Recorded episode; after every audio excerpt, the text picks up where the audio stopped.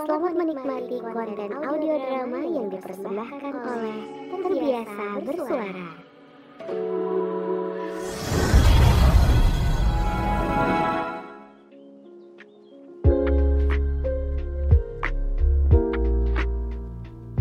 Misi, kopi panas siap diseruput nih.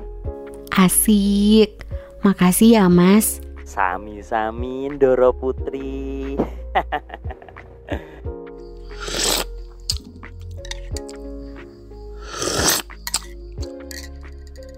Gimana? Penak kopi buatanku toh? Iya, Mas. Enak banget. Apalagi gratis. Udah, langsung to the point.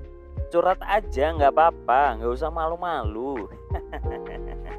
Tahu aja kalau aku mau curhat. Ya tahu dong. Masa tahu bulat? Nyindir aku ya. Hmm. Loh, loh, loh, enggak ya. Tapi kalau tersinggung, enggak apa-apa juga. Yus, jadi gimana? Mas, Dalam. Mas kenapa ya?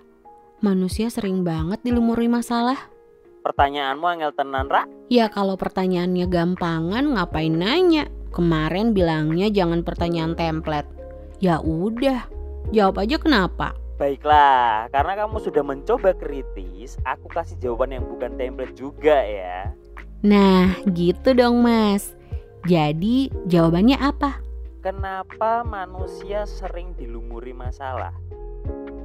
Karena kalau dilumuri bumbu kacang namanya sego pecel bukan manusia.